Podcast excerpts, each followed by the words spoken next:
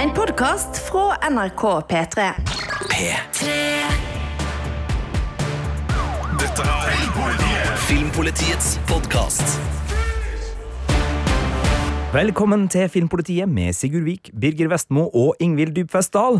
Denne uka er det premiere på miniserien Lessons in Chemistry, hvor Bree Larson spiller kjemikeren Elisabeth Sott, som på 50-tallet, etter å ha fått sparken som labtekniker, bruker sitt matlagingsprogram på TV til å finne en formel som lærer kvinner om selvrealisering i tillegg til mat.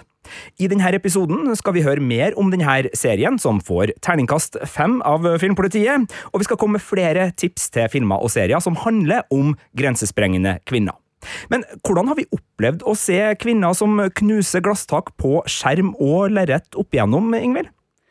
Altså, jeg husker jo at jeg var veldig imponert av Scarlett O'Hara i Tatt av vinden fra 1939. Og Vivian Lee som Scarlett var jo en grensesprengende hovedrolle av flere grunner. For det første så var hun jo mye mindre kvinnelig eh, enn standarden på den tida. Hun tok jo over styringa på plantasjen. Jakta de mennene hun ville ha, og så var hun jo rett og slett en drittsekk mot eh, veldig mange. Det skulle jo ikke kvinner være i 1939. Eller senere, kan vi vel legge til. Og så så jeg jo selv aldri denne situasjonskomedien I Love Lucy, som gikk på 50-tallet, men Lucille Ball var jo en foregangsfigur både som kvinnelig komiker og etter hvert som den første kvinnelige lederen av et større Hollywood-studio. Eh, det var jo de som lagde blant annet Mission Impossible og Star Trek på 60-tallet. Og så var jo jeg så heldig da, at det var en bølge av kvinnelige krigere på skjermen da jeg var tenåring. Som Sina Warrior Princess, eh, Buffy alias og Mulan. Og Sina var jo en avleggerserie fra Hercules, The Legendary Journeys, eh, og hun ble altså mer populær enn originalen. Og serien åpna også dører for flere stuntkvinner i bransjen, og bana også vei for flere av mine favorittserier ved å vise at seerne faktisk ville se sterke kvinnelige hovedroller. Og jeg vil tro at eksempel Arya i Game of Thrones, som ikke er helt ukjent for tror jeg, verken lyttere eller andre i filmpolitiet, bærer med seg en liten del av Sina-arven. Uh, Birger, hva med deg? Jeg skal ærlig innrømme at jeg som barn og ungdom ikke var spesielt bevisst på det her med kjønnsbalanse på film. Eh, mine forbilder var jo som regel mannlige, for dem var det jo nok av i den eh, actionfylte delen av sjangeren som jeg var mest opptatt av som barn og tenåring.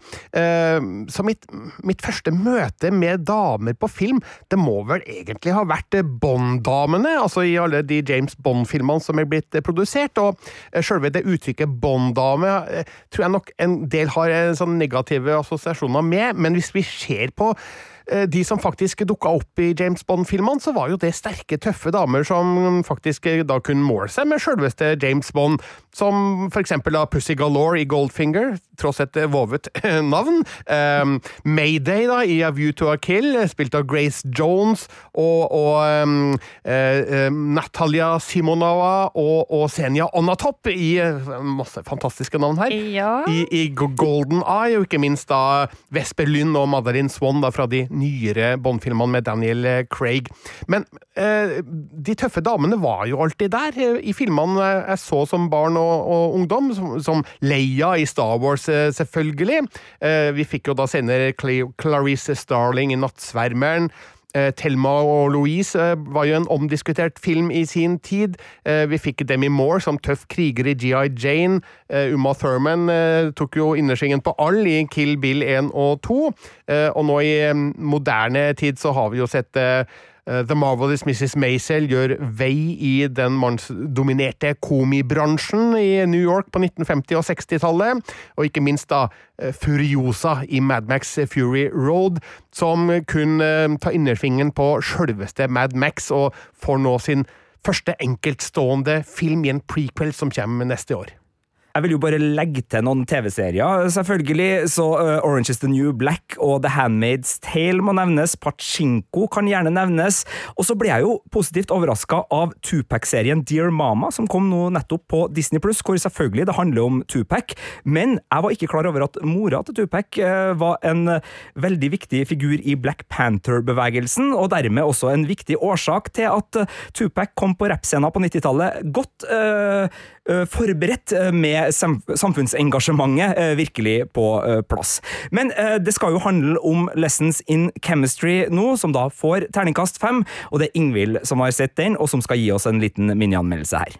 Men jeg må jo si det er litt påtagelig at veldig mange eksempler som både vi nevner, og som eh, man regner som eksempler på sterke kvinner opp igjennom, er ofte der kvinner regnes som sterke egenskap av at de er mødre for en kjent mann, eller de backer opp en kjent og sterk mann som James Bond, eller liksom får han til å skinne i egenskap av at eh, de da har sine roller.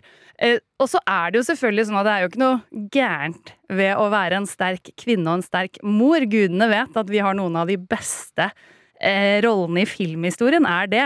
Men eh, det er jo litt gøy å se at eh, kvinner får lov å spille litt flere roller nå, da.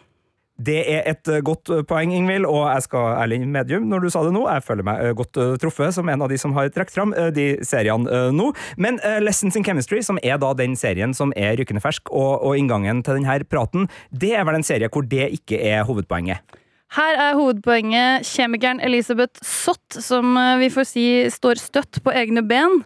Eh, Og bak tittelen 'Lessons in Chemistry', som kan høres litt tørr ut, så gjemmer det altså en formel som er i stand til å fremkalle store, saftige følelser.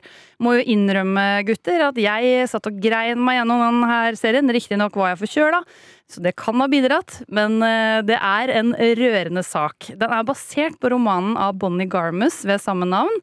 Jeg har ikke lest den, kan ikke si noe om eh, den lever opp til den. Og eh, Elisabeth Sott da, hun får bare jobb som laboratorieassistent ved et mannsdominert forskningsinstitutt på 50-tallet. Eh, Etter mye motgang så møter hun den briljante kjemikeren Calvin Evans, spilt av Louis Pullman, som blir fascinert av henne av hennes naturtalent som kjemiker. Det er der det starter. Eh, og Sott, som jeg også glemte å nevne, spilt av Bree Larsen, viktig, viktig del. Hun ender opp med å ta jobb som kokk i fjernsynskjøkken, altså, for å kunne betale regningene.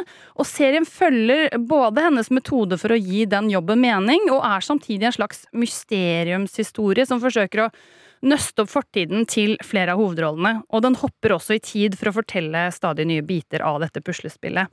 Og serien handler faktisk om såpass mye forskjellig som patriatisk patriotisk systemsvikt, vitenskapsglede, religion, fjernsynskjøkken og borgerrett.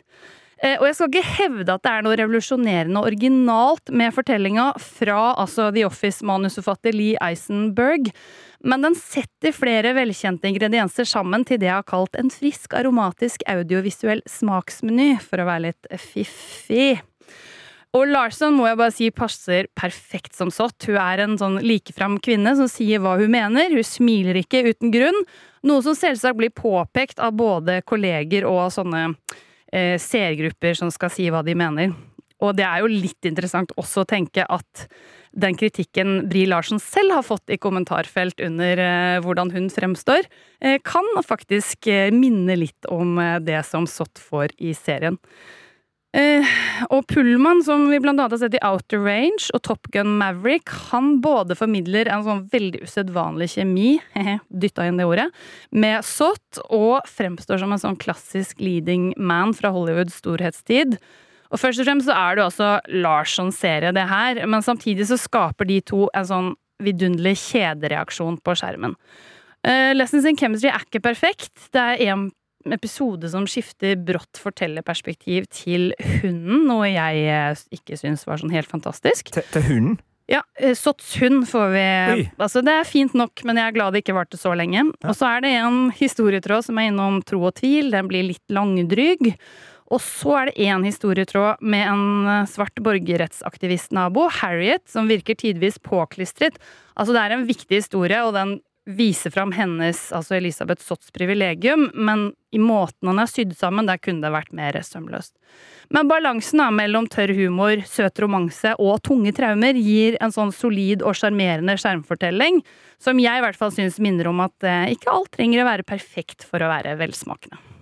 Det er da Apple TV Pluss som har serien her. Kommer den ukentlig fra og med nå, med hvor mange episoder i så fall? Ja, to først, og så ukentlig. Så ukentlig. Det er en anbefaling, og den er da én av flere du skal få her i podkasten, for vi nøyer oss jo ikke bare med å tipse om gode, ferske ting. Når vi får en mulighet til å utvide eh, temaet med flere gode tips, så tar vi selvfølgelig den. Og eh, Birger, du skal få lov til å starte i det som nå skal bli seks eh, tips om eh, grensesprengende kvinner på film og TV. Og ja, det er vel ikke noe hemmelighet at vi da skal tilbake til en av dine absolutte favoritter? Det er riktig, vi skal tilbake til to av mine absolutte favoritter, faktisk, fordi de henger sammen. Alien fra 1979 og Aliens fra 1986, som jeg da med vilje unnlot å nevne i innledninga av denne podkasten, for å spare på dette kruttet, da. Um, Alien fra 1979 er jo en uh, skrekk-horror science fiction film satt til universet, der et lasteskip med et mannskap på sju eh, lander på en øde planet, plukker opp et monster som da sprer skrekk og uhygge om bord på romskipet. Det er da sju eh, om bord, som sagt, fem menn og to kvinner. og man tror jo da, hvis man ikke har sett filmen før, eller ikke hørt noe om den, at uh, helten i denne historien er kapteinen som heter Dallas. Uh, en mann, spilt av Tom Skerritt, uh, men ca. halvveis, så spoiler alert, dør kaptein Dallas, og da blir jo alt snudd på hodet, for hvem er det nå som skal ta føringa her? Og etter hvert så er det jo da Ripley, spilt av Sigourney Weaver, altså en av de to damene som eh, har den mest aktive lederfunksjonen, og som har den smarteste taktikken, og som har den beste strategien, som kanskje ikke alle i det mannlige mannskapet hører på som jo da ender med at hun er den eneste som overlever hele skrekkhistorien om bord i romskipet Nostromo. Og det her videreføres jo da i eh, oppfølgeren Aliens eh, fra 1986, der hun må tilbake til den planeten sammen med et overveiende mannlig team soldater for å ta knekken på disse monstrene en gang for all. Og igjen så er det Ripley som eh, står frem som eh, den absolutte lederfiguren, sjøl om eh, ekspedisjonsmenn eh, kanskje ikke ser det på akkurat samme måte, og kanskje til og med motarbeider Ripley. Men alt som ser filmen, forstår jo at eh, det er Ripley som er stjerna.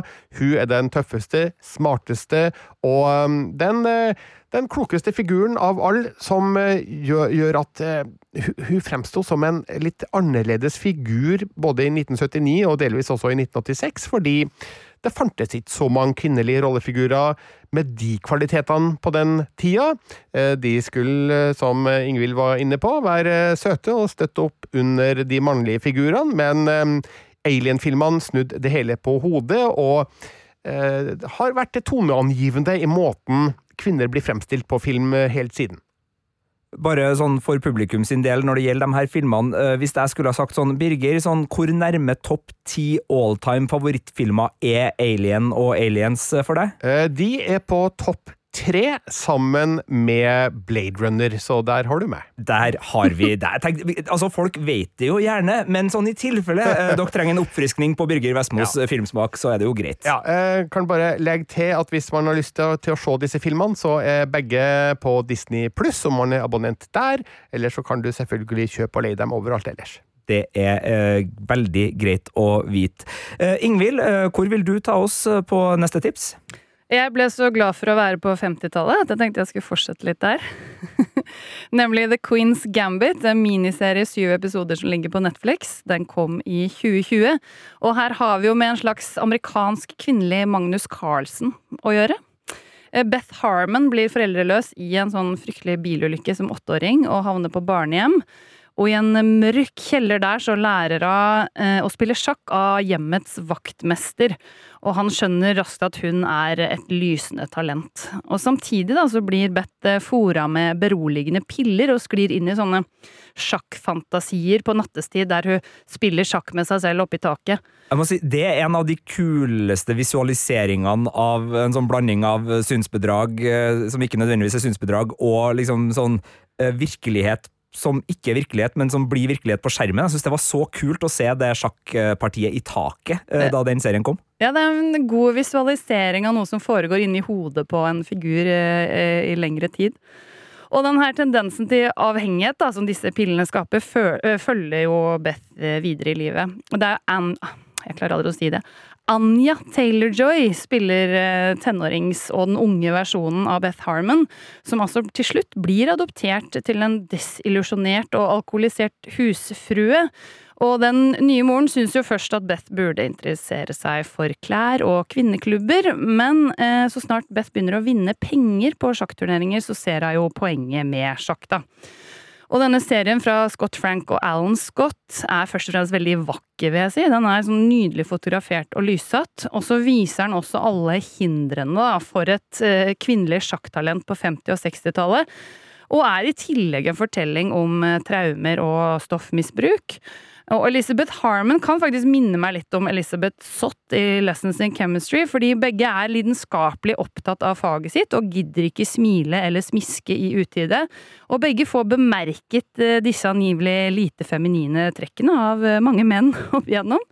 Og så følger de uansett da sitt sterke indre driv og Queen's Gambit, eller The Queen's Gambit, blir også en fortelling om driv og hvor langt man er villig til å gå for å følge egne drømmer. Det er en eh, meget god serie. Vant ikke en Emmy for beste miniserie, hvis jeg husker riktig? Jeg tror det.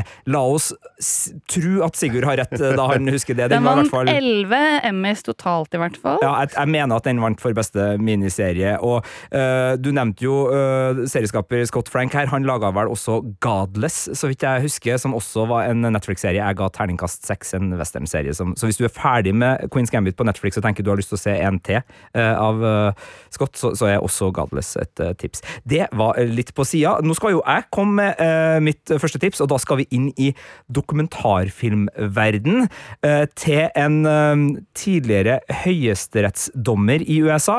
Ja, det tenkte jeg var sånn passe materie. Nå har vi vært igjennom eh, science fiction, sjakk, så da må jo juss i dokumentarform være det neste. Men RBG filmen om Ruth Bader Ginsburg, som nå eh, gikk bort i 2020, men som var eh, en legendarisk skikkelse på det amerikanske jus- og politikkfronten, eh, det er en godbit. Den ligger både på Viaplay og TV2 Play.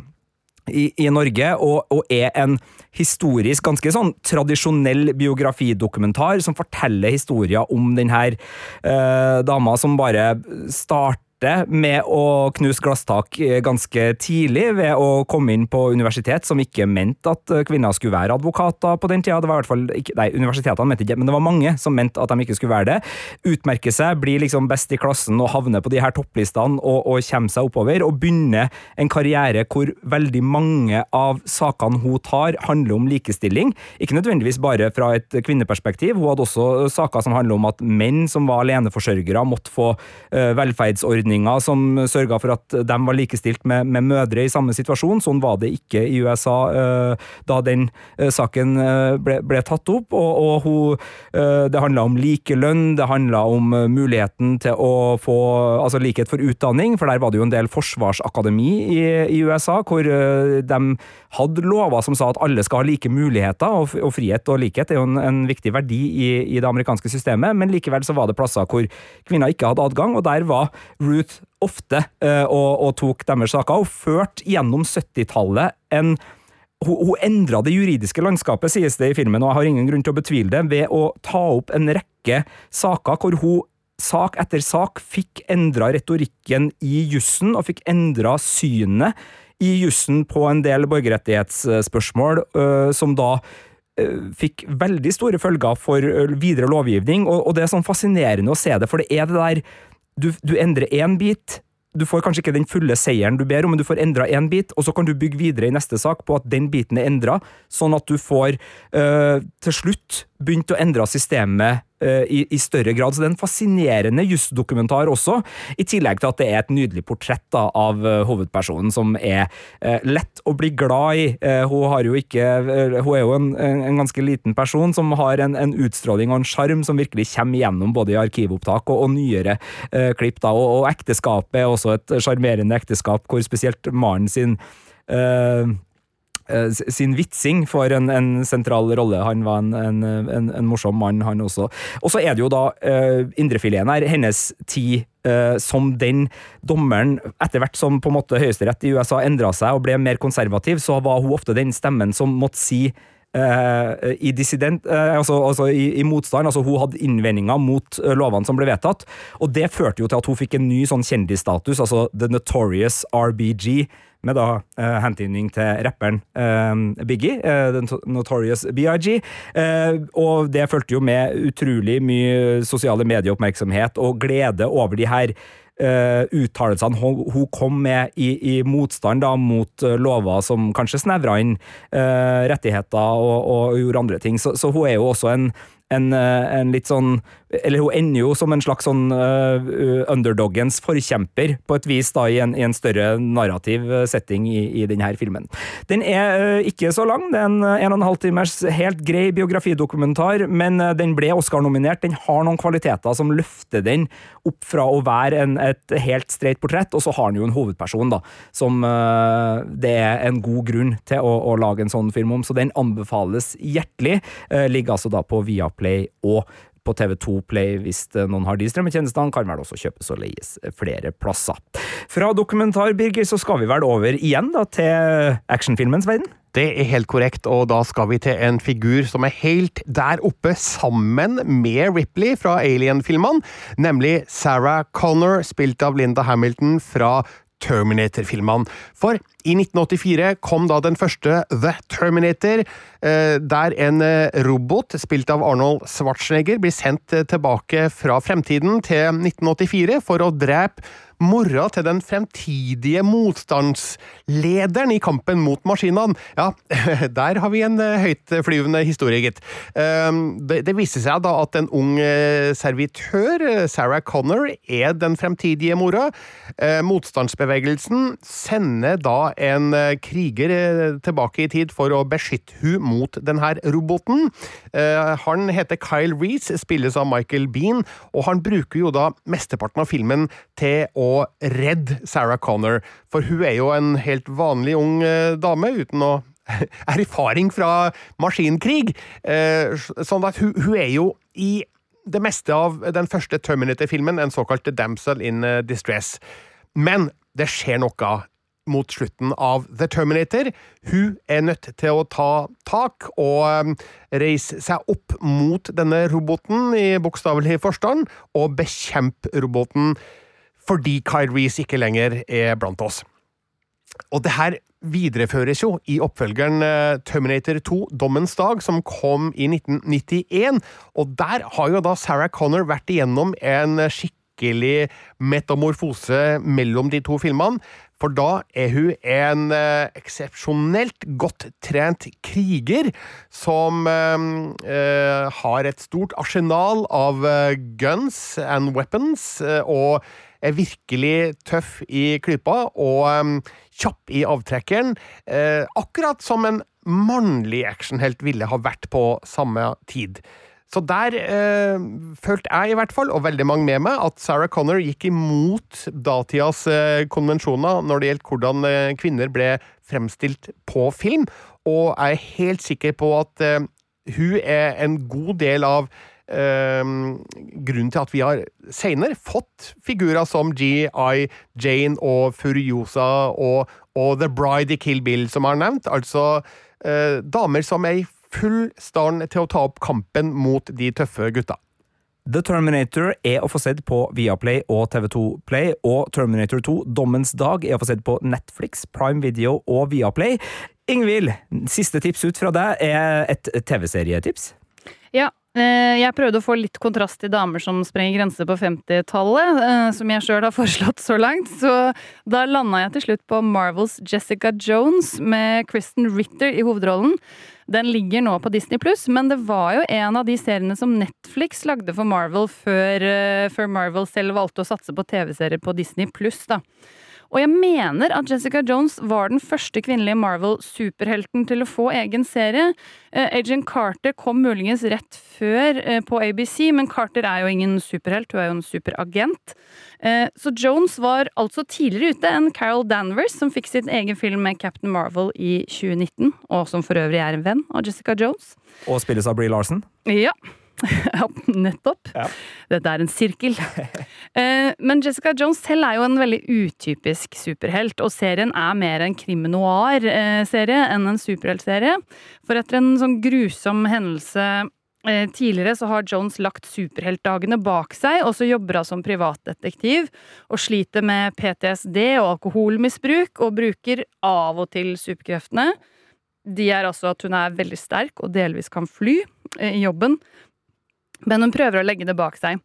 Og i første sesong så sliter hun med sin nemesis, erkeskurken Kilgrave, spilt av Dr. Who og Broadchurch-stjernen David Tennant, som terroriserer unge kvinner.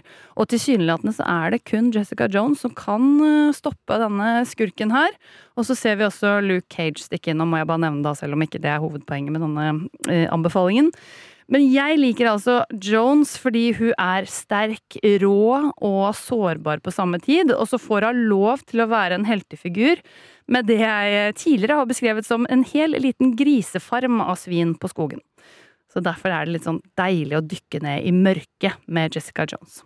Jeg er jo helt enig, jeg syns det var et av høydepunktene i en eh, serie, superheltserier fra Marvel på Netflix, som varierte veldig. Ja, jeg syns vel veldig. Jessica Jones kanskje var den beste sammen med Den og først- Punisher syns jeg var best. Ja, jeg skulle til å si Luke Cage og første sesongen av Daredevil, men der er vi altså uenige. Og så syns jeg vel den fellesserien, som jeg ikke husker navnet på nå, hvor de skulle samle alle sammen, eh, og den der Iron Fist, var de Ja, dårligste. Uh, nå er det jo også litt Defenders, tror jeg kanskje. sånn. ja, noe sånt. Uh, Det, uh, nå, jo, nå har jo Daredevil dukka opp i, i andre deler av MCU, og det er jo snakk om en ny Daredevil-serie. Det siste jeg så der nå, var at den igjen måtte startes på nytt, for der var det visst noen testscreeninger som ikke har gått helt fint. Så det er jo en litt sånn dårlig behandla del av Marvel Cinematic Universe, det er TV-biten, for det starta så rart på, på Netflix, men jeg er helt enig, hvis man skal se én av de gamle, se Jessica Jones eh, nå på Disney Pluss og ikke på Netflix, eh, stemmer det? Det stemmer. Det stemmer. Og vil du ha mer, så kommer jo altså The Marvels i 2023 med både Bree Larson og flere andre Marvel, kvinnelige Marvel-stjerner. Det er noe vi venter på, eh, med store forventninger her i Filmpolitiet. Det siste tipset er en animasjonsfilm. Ikke Mulan. Ikke Vaiana. Uh, Wolfwalkers er en film som eh, er tilgjengelig på Apple TV+. Hadde en liten eh, kinotur i, i Norge også, under navnet Ulvevandrerne. Fikk en sterk terningkast fem av vår kollega Marte Hedenstad da den kom, som hadde overskrifta 'Dette er rett og slett ekte animasjonskunst'. Filmen ble eh, Oscar-nominert eh, i 2020, tror jeg det var, hvis det var da den eh, kom. Jeg, tror det. Eh, og eh, er også da siste del i eh, Tom Moore sin uh, folklore-trilogi, altså Irish folklore-trilogi, uh, som også da inneholder filmene The Secret of the Kells fra 2009 og Song of the Sea fra 2014. Uh, det her er mange ting på en gang. Altså, det er en fantastisk animasjonsfilm hvor øh, streken er veldig særegen og, og helt unik, og, og full av sånn eventyrlig øh, undringslyst. Ikke beundringslyst, det også, men, men undringslyst, øh, som bare gjør den verdt å se som et kunstverk i seg sjøl. Men den har også ei gripende historie som spiller på ganske tradisjonelle eventyrkvaliteter, på sett og vis. Det er en ung jente som sammen med sin far har havna i en irsk by. De har kommet fra England. Vi er vel på øh, ja, er det øh, 1600-tallet, sånn cirka det her. Eh, og faren er kalt inn eh, dit for å hjelpe til å fjerne ulvebestanden som bor i skogen utenfor landsbyen, fordi de har tenkt å rive skogen for å starte landbruksareal, og da må både ulver og trær bort.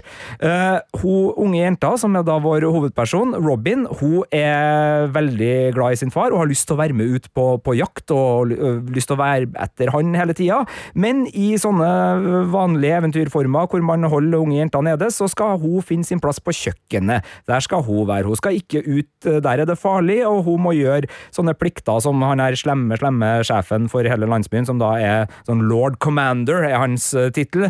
Han bestemmer det, og hun trues også med gapestokken og, og er ganske sånn uh, Ja, det, det, er mye motstand der. Og i tillegg da så er det jo uh, en, en, annen kvinnelig hovedrolle, nemlig The Wolf Walker, ei ung jente som blir til ulv når hun sover, og hennes mor som også blir til ulv når hun sover. Hun unge jenta møter Robin da hun sniker seg ut i, i skogen. Det er ganske innledende greier, så jeg spoiler ikke slutten her nå. De blir venner, og hun har et problem, denne her Wolfwalkeren, fordi mora er jo til stede i hiet, altså i menneskekropp, men der ligger hun og sover. Ulvekroppen hennes er borte og de vet ikke hvor ulvekroppen til mor er. Eh, det finner vi ut, eh, og eh, ting blir veldig dramatisk, men også veldig fint. Og det er en film som både har den der historia der glasstaket knuses, selvfølgelig, og, og hvor Robin får for um, sin heltehistorie, som er gripende i seg sjøl, men det er også bare en sånn nydelig og sår historie om når mennesker ikke forstår hverandre, hvordan vi sårer hverandre. Fordi far som jeger har jo øh, jobb... Øh, beskrivelser å forholde seg til. Uh, mor uh, til Robin og hans kone da er også borte, så han har lovt å beskytte sin datter, og hans pliktfølelse og farsinstinkt settes veldig sånn fint og komplekst opp mot datteras trang til uh, frihet. Uh, på en nyansert måte, ikke som, som liksom uh, prøver å bortforklare noe, og, og det skjer veldig vemodige og triste og tragiske ting her, men, men, men, det er en sånn fin tråd gjennom hele filmen, da, det, den relasjonen også. Så Wolfwalkers er bare ja, er, Det er kanskje litt sånn på sida å, å, trekke den inn her, men jeg syns den hadde nok eh, det, det, det, var nok her til at jeg, jeg syns det var, var, en god anledning, og, og, den anbefales virkelig, altså både som en, en fin og, og, ganske sånn høstgod, eh, for den er full av vakre høstfarger og, og skog i endring og alt, så, så, så, jeg liker den også der for, for å se den nå, men, men, eh, også for dem som trenger å, å trimme tårekanalene litt. Vi har jo hatt mye Disney-fokus i disse tider, all den tid Disney feirer 100 år.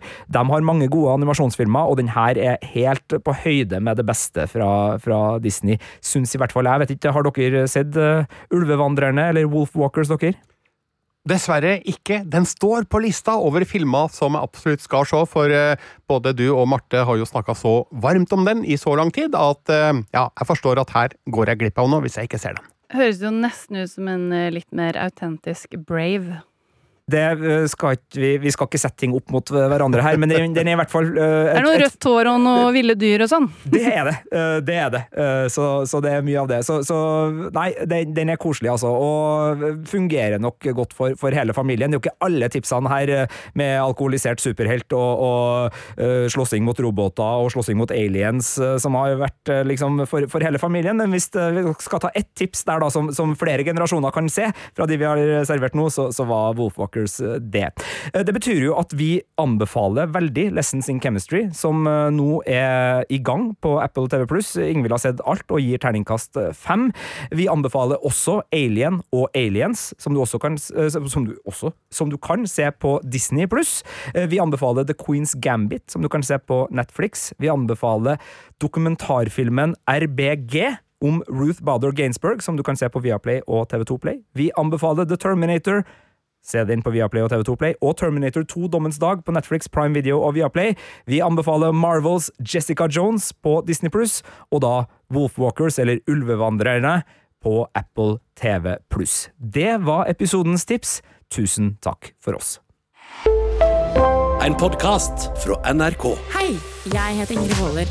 Synes du Love Island er mer interessant enn Premier League? Ingen kommentar. Hva er trash noe for deg? I'd like to know what's going on between Carly Kloss and Taylor Swift. Hver uke inviterer jeg deg og en gjest til å menge oss i all den deilige søplete popkulturen som finnes der ute. Hør Trash i appen NRK Radio.